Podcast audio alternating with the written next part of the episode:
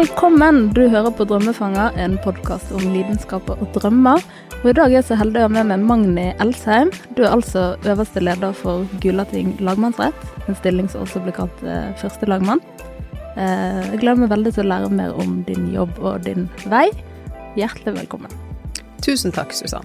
Ja, så aller først, da. Hvordan har du det i dag? Nei, jeg har det ganske bra. Eh, men nå er jeg akkurat ferdig med korona, Ja. så jeg er litt sliten i stemmen. Ja. Kanskje ikke helt 100% restituert, men er veldig glad for å være frisk igjen. Ja, det er jo jeg òg.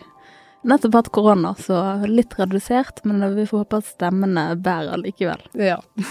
Jeg tenker at vi kan jo starte med starten. For når du var liten jente, eh, eldst i en søskenflokk eh, på tre, og ikke ante hva som skulle komme senere i livet, hva drømte du om da? Nei, hvis jeg skal være helt ærlig, så tror jeg faktisk at eh, jeg levde egentlig mest litt sånn uh, ubekymra i nuet, og var mest opptatt av aktiviteter og venner, og jeg tror ikke jeg tenkte så veldig langt fram. Jeg vet ikke om jeg hadde noen sånn veldig store, bestemte drømmer. Det var på et tidspunkt jeg hadde bestemt meg veldig bestemt for at jeg skulle bli lege. Men så eh, skulle vi ta sånn her eh, BCG-sprøyter på skolen, og så besvimte jeg, og så fant jeg ut at det, det var kanskje ikke noe for meg.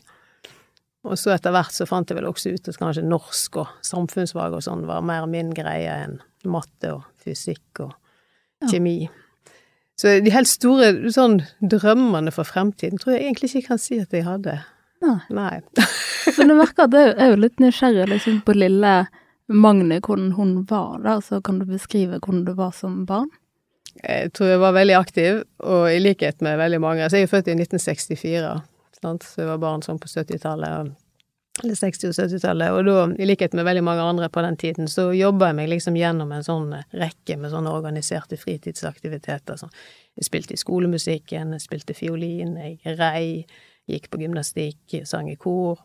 Oi. Eh, var veldig glad i å lese bøker. Jeg leste masse, masse bøker. Eh, og så var jeg ganske flittig på skolen, tror jeg. Mm. Og så var jeg ekstremt snakkesalig. Jeg snakka høl i huet på folk. Ja. Det blir i hvert fall sagt. Så um, jeg hadde, tror jeg ganske Hadde det travelt, rett og slett. Mm. Mm. Mye å ta det til, da. Mm. Men var det noe på en måte i personligheten allerede da som skulle tilsi at du skulle bli jurist, eh, advokat og senere dommer? Nei, det er ikke som jeg tenker på i dag. Jeg tror det er mer sånn, det lå rett og slett mer i slekta. Jeg kommer jo fra en lang tradisjon med jurister, med mange jurister i familien og i slekta mi, så det var egentlig et veldig lite fantasifullt valg. egentlig. Mm. Ja. Men jeg liker jo veldig godt, har alltid likt å både snakke og skrive, og det er jo ikke så dumt i det yrket. Mm. Og, og så, hvis jeg skulle si noe, et personlighetstrekk jeg har som kanskje kommer godt med, så er det vel at jeg er veldig sånn strukturert. Ja. Ja, og planlegge ting. Mm. Så der, der svarte du egentlig litt på det neste spørsmålet, men du bestemte deg jo på et eller annet tidspunkt i ungdommen da for å studere eh, juss, og lurer litt på hvordan du kom fram til det valget. Men det var litt forutbestemt, men var det òg Ja, altså jeg, jeg, gikk jo, jeg gikk jo faktisk til tross for uh, min, mine manglende talent for matte og fysikk og kjemi, så gikk jeg faktisk en naturfaglinje på gymnaset da, og skulle liksom holde alle mulighetene åpne i tilfelle jeg skulle finne på noe lurt. Så jeg var litt sånn ubestemt.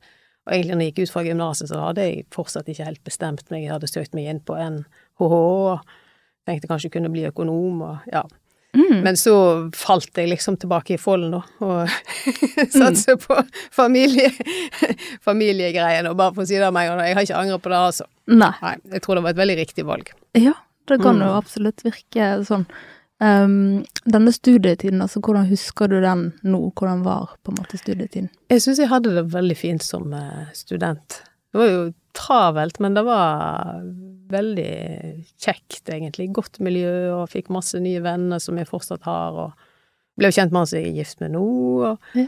Nei, så det var egentlig en veldig fin tid. Det var jo litt stress òg, selvsagt, med eksamen og alt det der, men eh, i all hovedsak så likte jeg meg veldig, veldig godt. Mm. Hvordan vil du si at du var som student, da? Jeg tror jeg må si at jeg var ganske flittig Ja. og ambisiøs. Mm. Men eh, ikke mer enn at jeg hadde veldig mye gøy òg, og ja, triv, trivdes godt. Mm. Din datter er jo en av de flinkeste og mest flittige studentene jeg har møtt. Utrolig flink til å lese og lære. så kanskje hun har det fra deg. Ja, kanskje det. Um, hva er det du sitter igjen med nå, da, fra den tiden som, som kanskje du kan trekke fram som det mest verdifulle, da? Eh, Det mest verdifulle er kanskje alle de vennene som en fikk, og ikke minst eh, han som jeg ble gift med, har sagt. Mm. Men, men eh, hvis du tenker på mer sånn rene, det rent sånn studiemessige, da, så er det vel kanskje en sånn erfaring om at det lønner seg å eh, At gode vaner og gode rutiner og sånn eh, lønner seg i, i lengden. Altså Ja. så det gir resultat og bare Mm. eh, være litt sånn planmessig og Ja. ha en plan for hver dag. Mm. Så egentlig litt sånn studieteknikk òg, da. Ja. Mm. Mm. Og mange eh, beskriver jo på en måte studietiden som uforglemmelig, og man lærer jo veldig mye.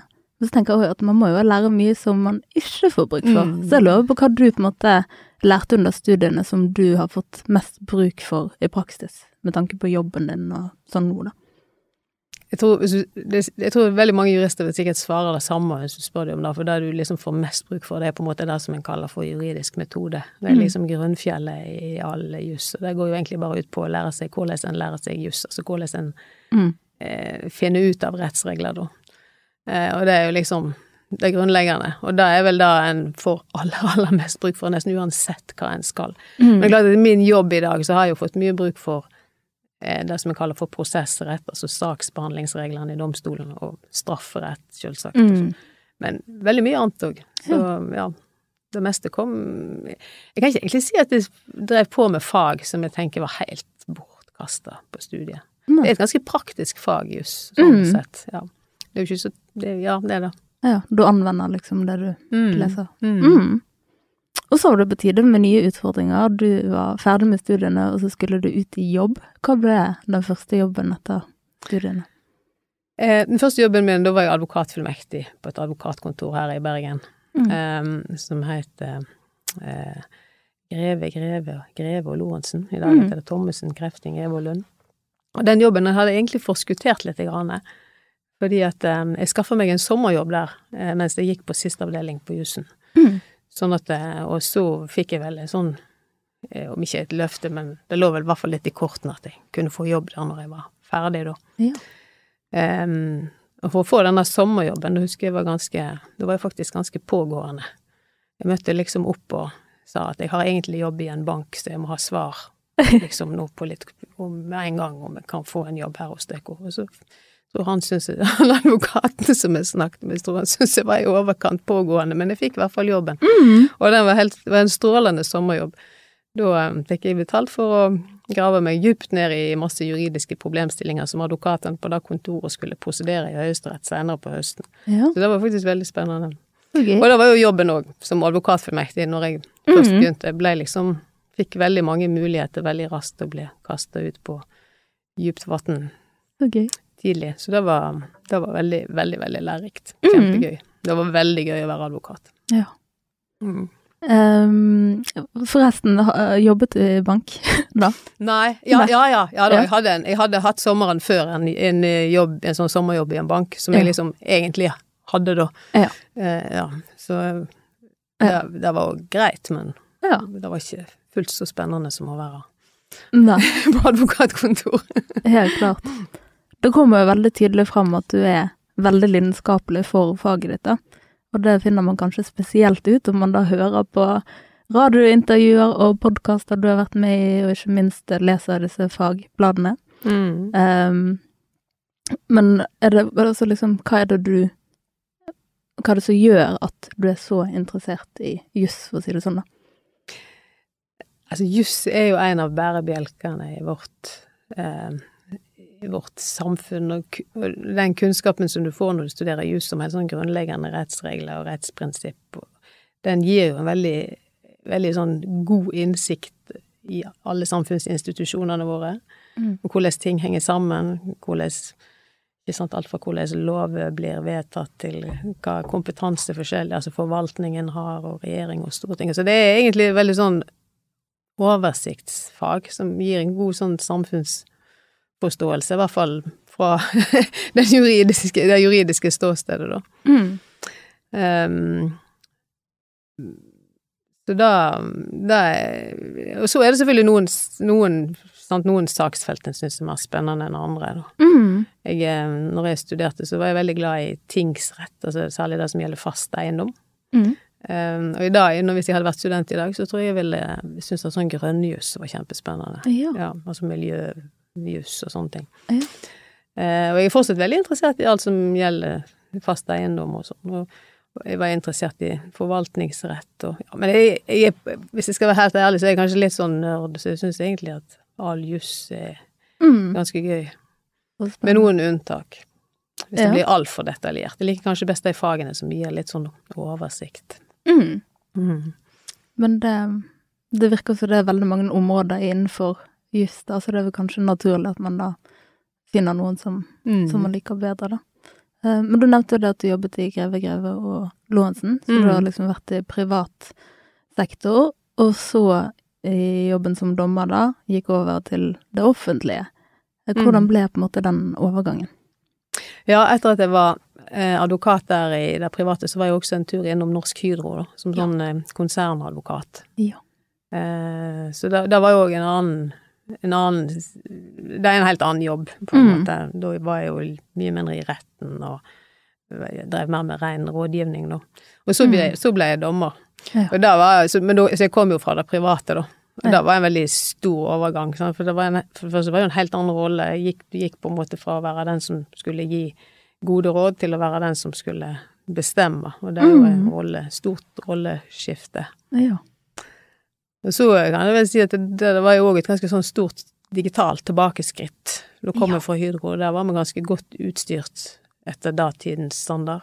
Ja. Jeg vil si digitalt, og, så, og det var jo en stor og velsmurt organisasjon med avdelinger for det meste, og alt var liksom Mm. Ja. Og så gikk, kom vi nå inn i et mye mindre miljø, i gjerne sagt eh, fattig domstol, med dårlig digitalt utstyr og ja.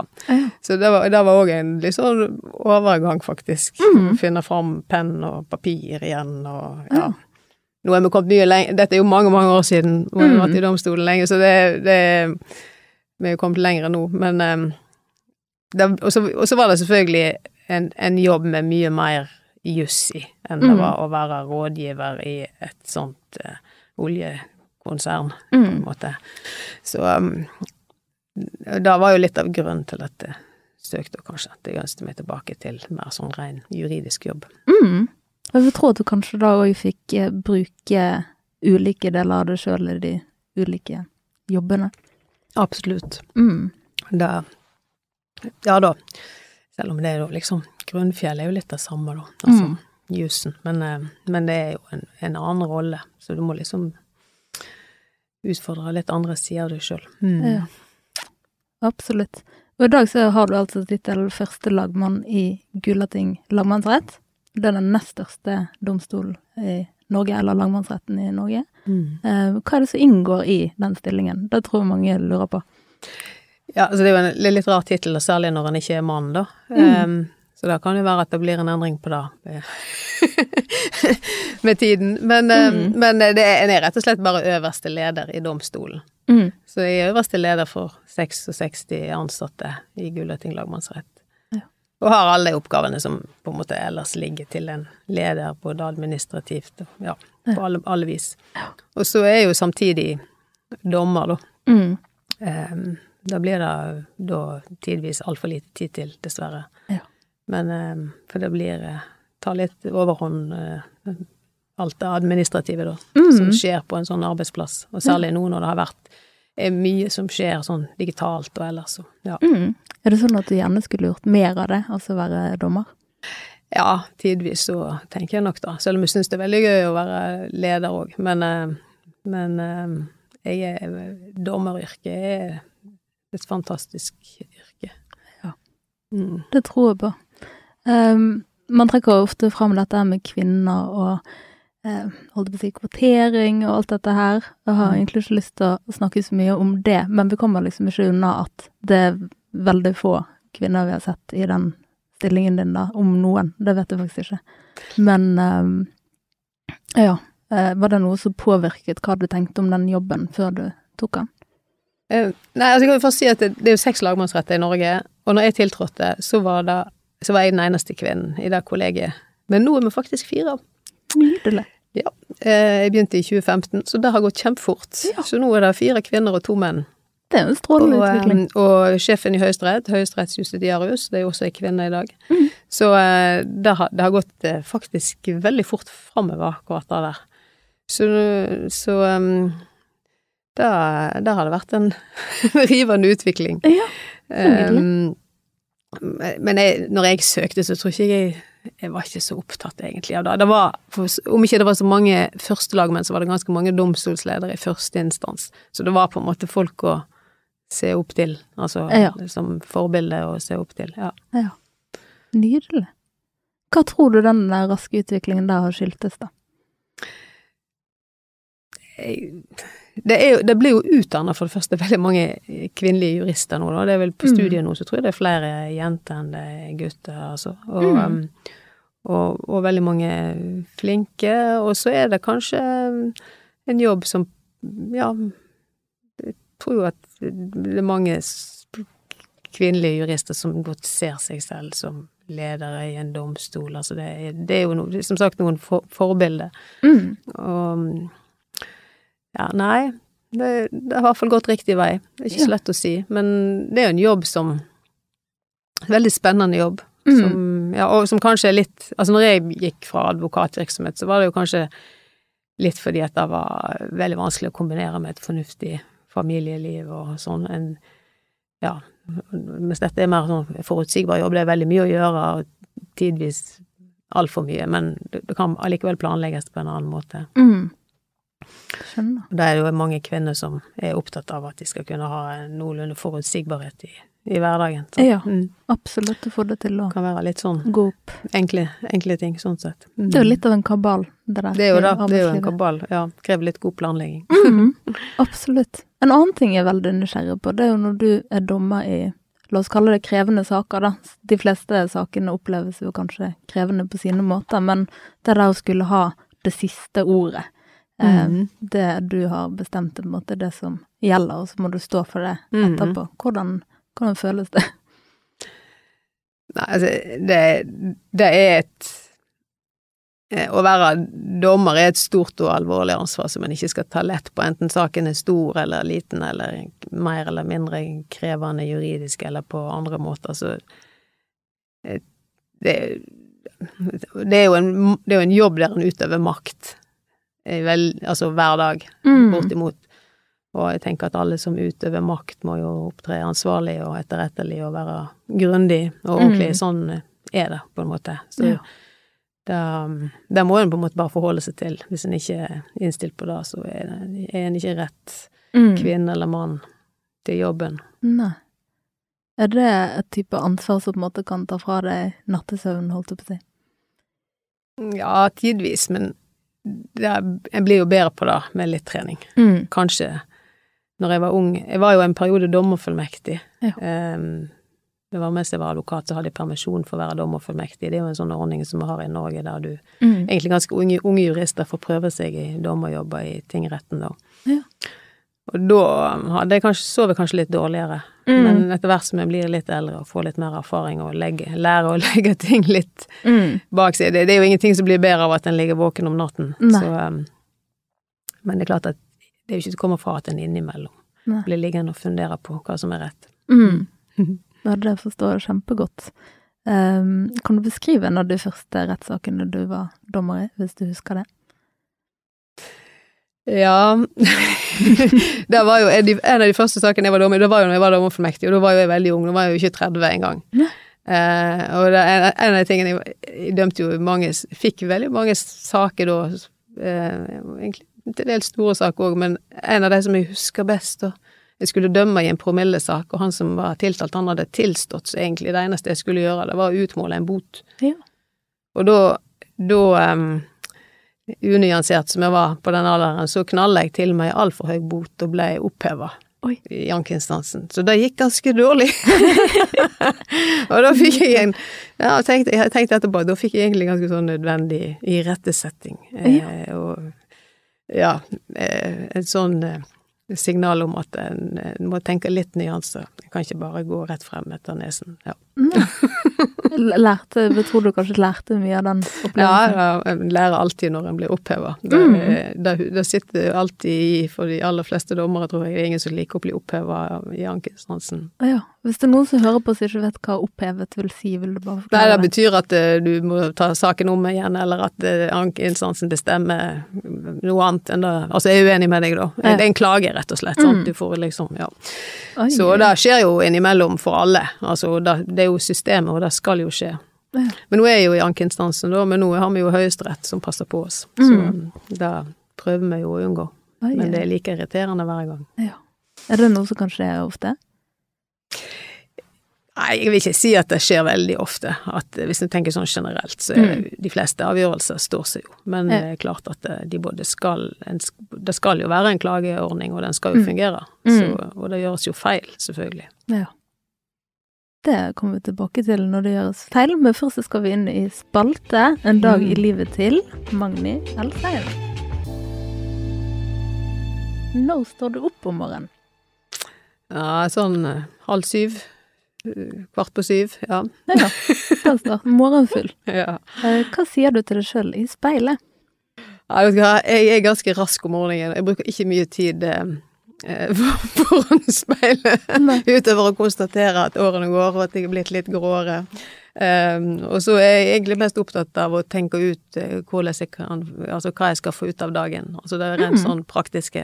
For eksempel sånn, blir det mulighet i dag for å ta seg en trimtur ut i naturen? Det, det tenker jeg ofte på om, morgenen. Ja. Når kan jeg få det til?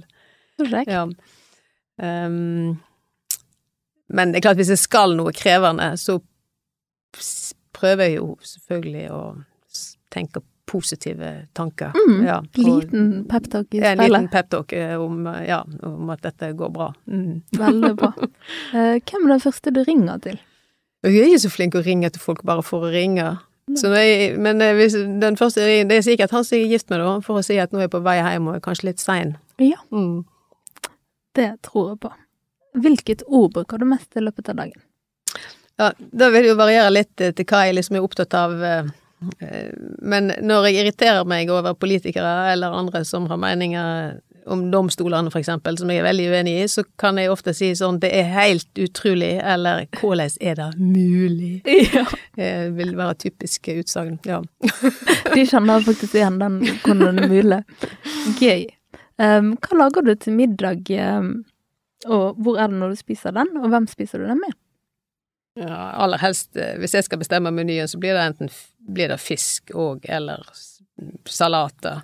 Til hverdags i hvert fall, og så er jeg veldig glad i skalldyr og skjell og sånn. Mm. Og helst så spiser jeg vel hjemme sammen med familien, tror jeg må si. Hvis jeg er da alene innimellom, så blir det veldig enkelt. Ja. Mm. Du er veldig god til å lage mat.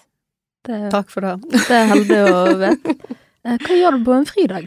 Nei, da går jeg til fjells, enten på ski eller til fots, hvis jeg kan. Ja. Ja. Mm. Ut i naturen. Mm. Hvilke podkaster hører du på? Bortsett fra denne, mener du? Så gøy. Um, jeg hører på ulike juspodder, Mm. eh, rett og slett. Dommerpodden, juspodden, og så litt sånn lederpodder. Mm. Og så eh, liker jeg Aftenpodden. Ja. Historier som endret Norge, historier som endret verden. Og så er det kommet noe med historiske kjendiser. Mm. Og så eh, har jeg hørt litt på det siste, en som heter Rekommandert med Kristoffer Schou, som jeg syns er ganske gøy. Oi, Mm. kult. Ja. Så du er en ivrig Ja, podkastlytter, ja, altså? jeg er blitt det faktisk etter hvert, ja. Jeg Mm. har det jo ofte på når jeg går til og fra jobb, eller ja. Mm. Det er det som er gøy, at man liksom kan gjøre andre ting samtidig. ja. Eller når en lager mat, eller ja. Mm. Eller når man rydder og vasker. Mm. og Alt blir litt sjekka med pod. Eh, hvilket le lesestoff ligger og venter på nattbordet? Nå ligger det ei bok som heter Det gode ved å gå. Ja. Og det er det en hjerneforsker som har skrevet, han går ganske grundig inn i alle fordelene med å bevege mye på seg, og særlig fordelene med å gå langt og mye. ja. Så den eh, er veldig spennende. Mm. Men eh, det beste jeg har lest dette året, da, det er Tore Renberg sin eh, Texas-serie om Hillevågsgjengen. Ja. Det tror jeg er noe av det mest underholdende, og samtidig kanskje mest samfunnskritiske jeg har lest på veldig lenge. Så det, det, det, det er vel fire bind, og de anbefaler jeg. Så kjekt med Mm. bokanbefaling. Da er vi ferdig med spalte, og vi fortsetter litt videre inne fra rettssalen. Og lurer på om du kan forklare litt hvordan en rettssak foregår, altså forklare gangen i det. Mm. Ja, um, det er jo litt forskjell på straffesaker og sivile saker, da, men begge sakstyper har jo en Det begynner jo med en sånn innledning med litt sånn formalia og sånn, der retten tar stilling til om de er habile, de spør partene om det er noen innvendinger mot det, og en får greie på hvem som er til stede, og får det ført inn i en protokoll og sånn. Og så um, i, en, i, en, straffesak så vil aktor først få ordet til en kort innledning, og så får forsvareren anledning til kommentarer. Og det er veldig korte ting, det er bare en sånn intro liksom til saken. Hvis mm. det er en sivil sak eh, som ikke gjelder straff, men eksempel en nabokrangel eller noe annet, så, så har eh, advokatene på begge sider også ordet innledningsvis. Mm. Eh, og det vil kanskje være litt lengre. Og da går de gjennom de skriftlige bevisene når det er slutt, da, de innledningsforedragene fra advokatene, eller fra aktor og forsvarer, så er det da er det bevisførsel, vitneførsel. Og hvis mm. det er straffesak, så begynner en med fornærmede og tiltalte, og så kommer vitnene, og samme i sivile saker, hører liksom alle vitnene, mm. og får presentert bevis. Ja. Og så blir det avslutta med en prosedyre der advokatene får anledning til å oppsummere hvordan de nå ser på saken. Mm. Så trekker jo retten seg tilbake og, og drøfter det. Ja. Um, I lagmannsretten er det jo enten tre eller syv dommere, så de blir da enige, og så er det en av de da som skriver en dom, og så blir den avsagt. Mm. I straffesaker går det relativt raskt, hvis ikke saken er veldig, veldig stor. Mm. I sivile saker tar det kanskje litt lengre tid. Ja. Hvorfor det? Så det er veldig, veldig kort. Tror du. Mm? Hvorfor det, eller hvorfor tar det lengre tid? Da? Nei, det er fordi at en sivilsak gjerne reiser ofte litt flere mm. spørsmål. Mm. Altså sånn, ja. ja. Litt, litt, mer komplisert. Men mm. det, det kompl finnes kompliserte straffesaker òg, så noen straffedommer tar lang tid å, mm. å skrive. Men, eh, men, sånn litt liten straffesak tar ikke sånn veldig lang tid. Og, og, det, og det skal jo også helst ut så raskt som mulig. sant? Mm. Det er jo et poeng for de som har vært i retten, at ikke det trekker det, ut i evighet. Ja. Det kan jeg forstå. Mm. Hva er det rareste du har opplevd under en rettssak, da? Eh, eh, jeg vet ikke helt hva som Hvis du har lov å dele det? Ja, ja jeg vet ikke helt hva som er det rareste, men jeg, jeg, jeg var jo forberedt på det spørsmålet, og det, da kom, kom på en episode som jeg syntes var litt morsom, og da var når jeg var dommerfullmektig. Da var, hadde vi rettsmøte i forbindelse med en sånn åpning av konkurs det foregikk i rettsmøtet. Og han som da eh, angivelig skyldte penger og ikke kunne gjøre opp for seg, han eh, eh, satt jo og hørte på eh, den rekvirenten da, som eh, liksom gikk gjennom økonomien hans og mente at her var det ingenting å hente, at her måtte han slås konkurs. Mm. Og så når han fikk ordet, så reiste han seg opp, og så dro han opp en svær plastikkpose full av kontanter. Som han og ville gjøre opp for seg der og da. Det var ganske rart. Da ble det veldig kaos i salen. Ja, det vil jeg tro. og ingen som visste Ingen som hadde opplevd det før, og ingen som visste helt hvordan de skulle håndtere det. Ja, Nei. Det var litt morsomt. Ja. Oi, oi. Mm. Så gøy. Jeg vil tro at det sikkert er mye, mye rart som skjer der inne i disse rettssalene, som ikke vi som ikke er der inne, får med oss. Ja, det skjer jo mye rart, og det, det, en kan jo av og til forundre seg over eh, Altså, det, noen ganger så sitter en og hører på advokater som stiller spørsmål som de åpenbart ikke har enten tenkt gjennom, eller i hvert fall ikke stilt et vitne på forhånd, og så kommer det svar som de ikke forventer. Det kan bli litt rare situasjoner av og til. Mm. Du ser liksom at de forventer et bestemt svar, og så kommer det noe helt annet. Noe helt annet, ja. Mm. Oi, oi.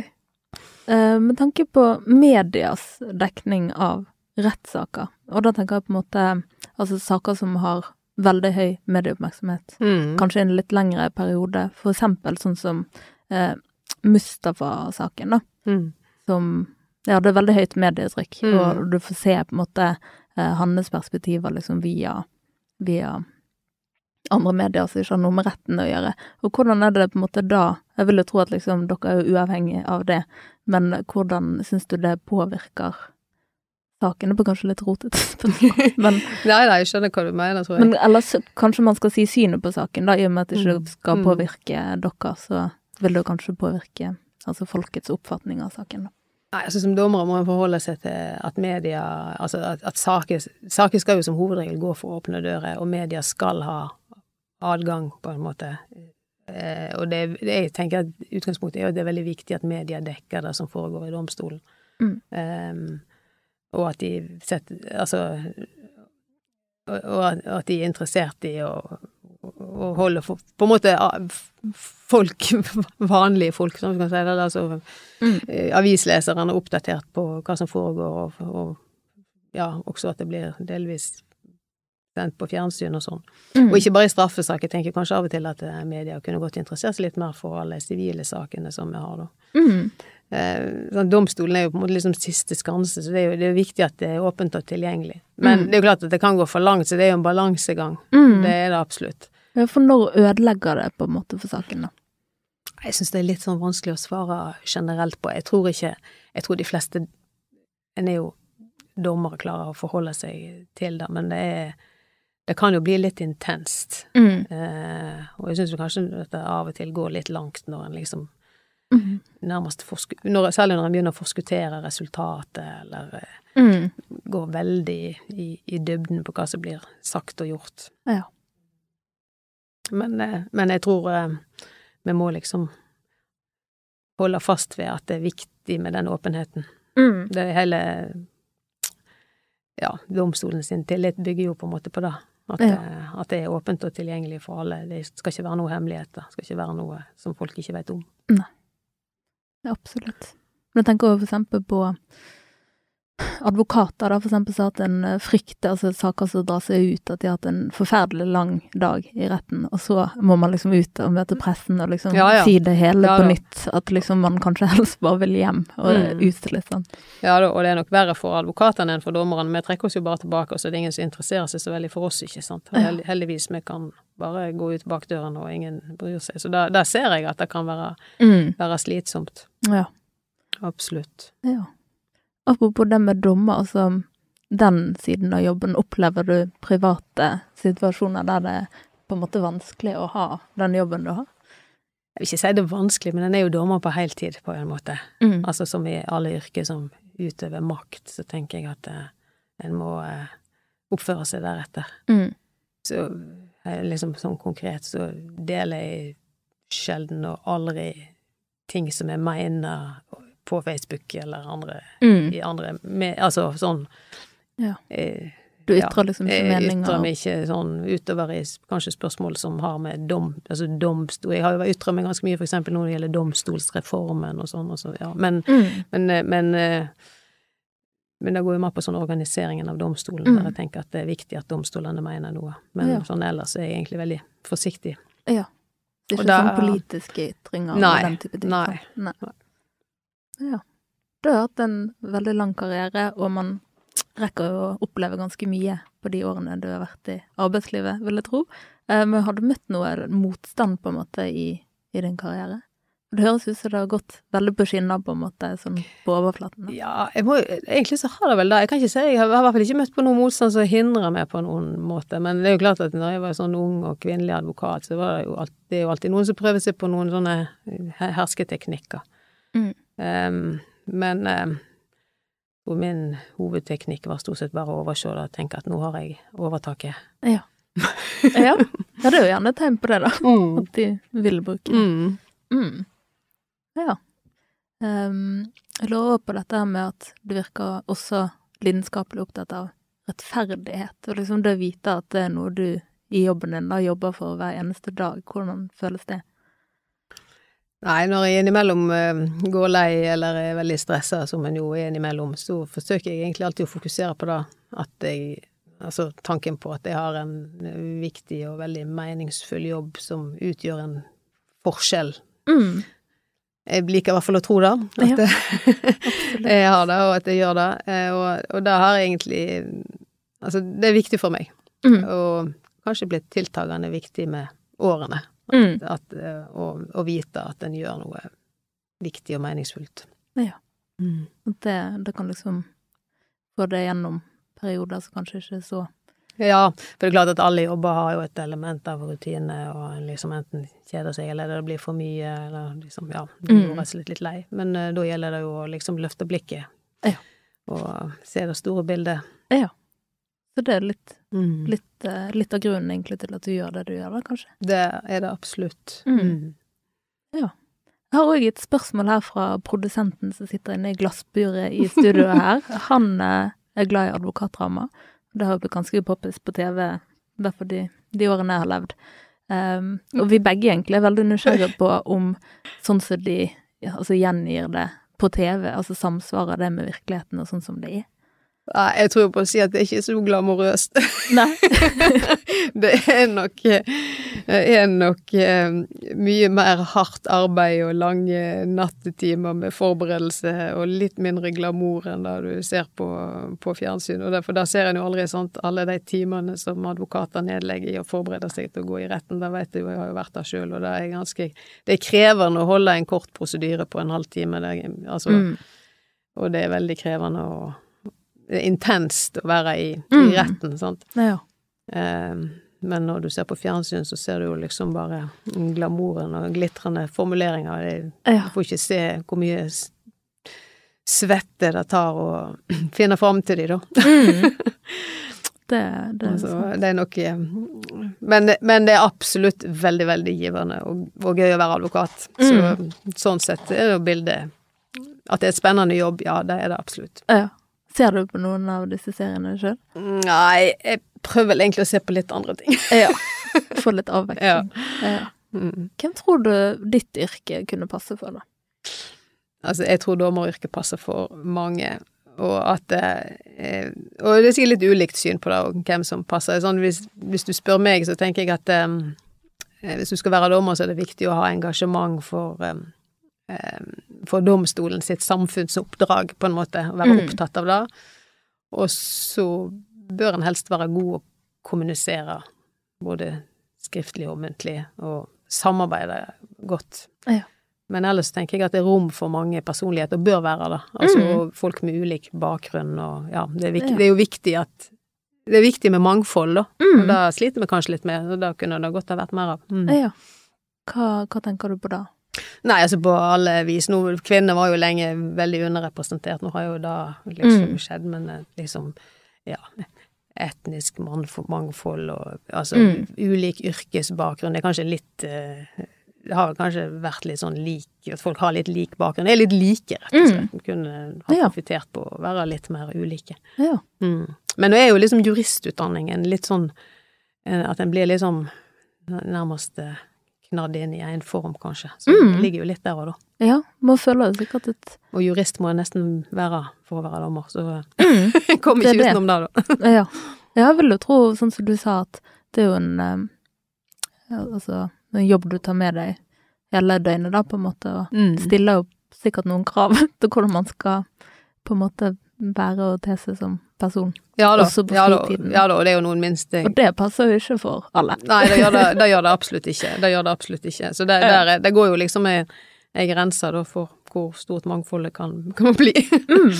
Mm. Og helt til slutt så lurer jeg på om du har noen ja, råd, da, kanskje, til mm. andre som kunne tenke seg å ha en lignende karriere som du har hatt? Nei, tenker, det er veldig mange veier fram til å bli dommer. Det er jo ikke noe spesiell karriere som skal gi noen fortrinn, men det vil jeg tenke at eh, hvis en tidlig bestemmer seg for det, så gjelder det egentlig å skaffe seg litt sånn variert arbeidserfaring. Det er det mm. beste. Eh, og kanskje ha seg en tur innom enten advokatbransjen eller politiet. Altså noe som har ja, jobba litt opp mot domstolene, da, for å se mm. hvordan det fungerer fra utsiden. Ja. Og så hvis det skulle være veldig, veldig konkret, så er det vel å jobbe litt med skriveferdighetene. Ja. Mm. ja. Det, det vil en trenger. Men det har jeg lagt merke til at uh, jurister er veldig flinke til å skrive, og ofte er veldig gode til å argumentere. ja, og det er jo det det går i. Mm. Så um, det må en liksom eh, ha med seg. Ja, mm. Er det noe så greit å også ha med seg på fritiden? At man kan liksom argumentere godt for seg? Ja. Eh, ja, kanskje. Men det eh, kan jo bli kanskje for mye òg. ja. Gøy. Da var vi kommet til veis ende her i studio. Så jeg må si tusen takk for at du ville komme som gjest her, Magni. Tusen takk for at jeg fikk komme, Susanne. Tusen takk, det har vært en glede å ha deg her. Og tusen takk til deg som hørte på denne episoden. Jeg håper du lærte mye. Og hvis du vil høre mer eh, Drømmefanger, så finner du oss på vår Facebook-side og på Spotify og iTunes. Og hvis du vil høre mer av Magni, så kan du bl.a. finne en kjempefin episode i Jusspodden om digitale rettssaker, der hun er gjest. Till nu!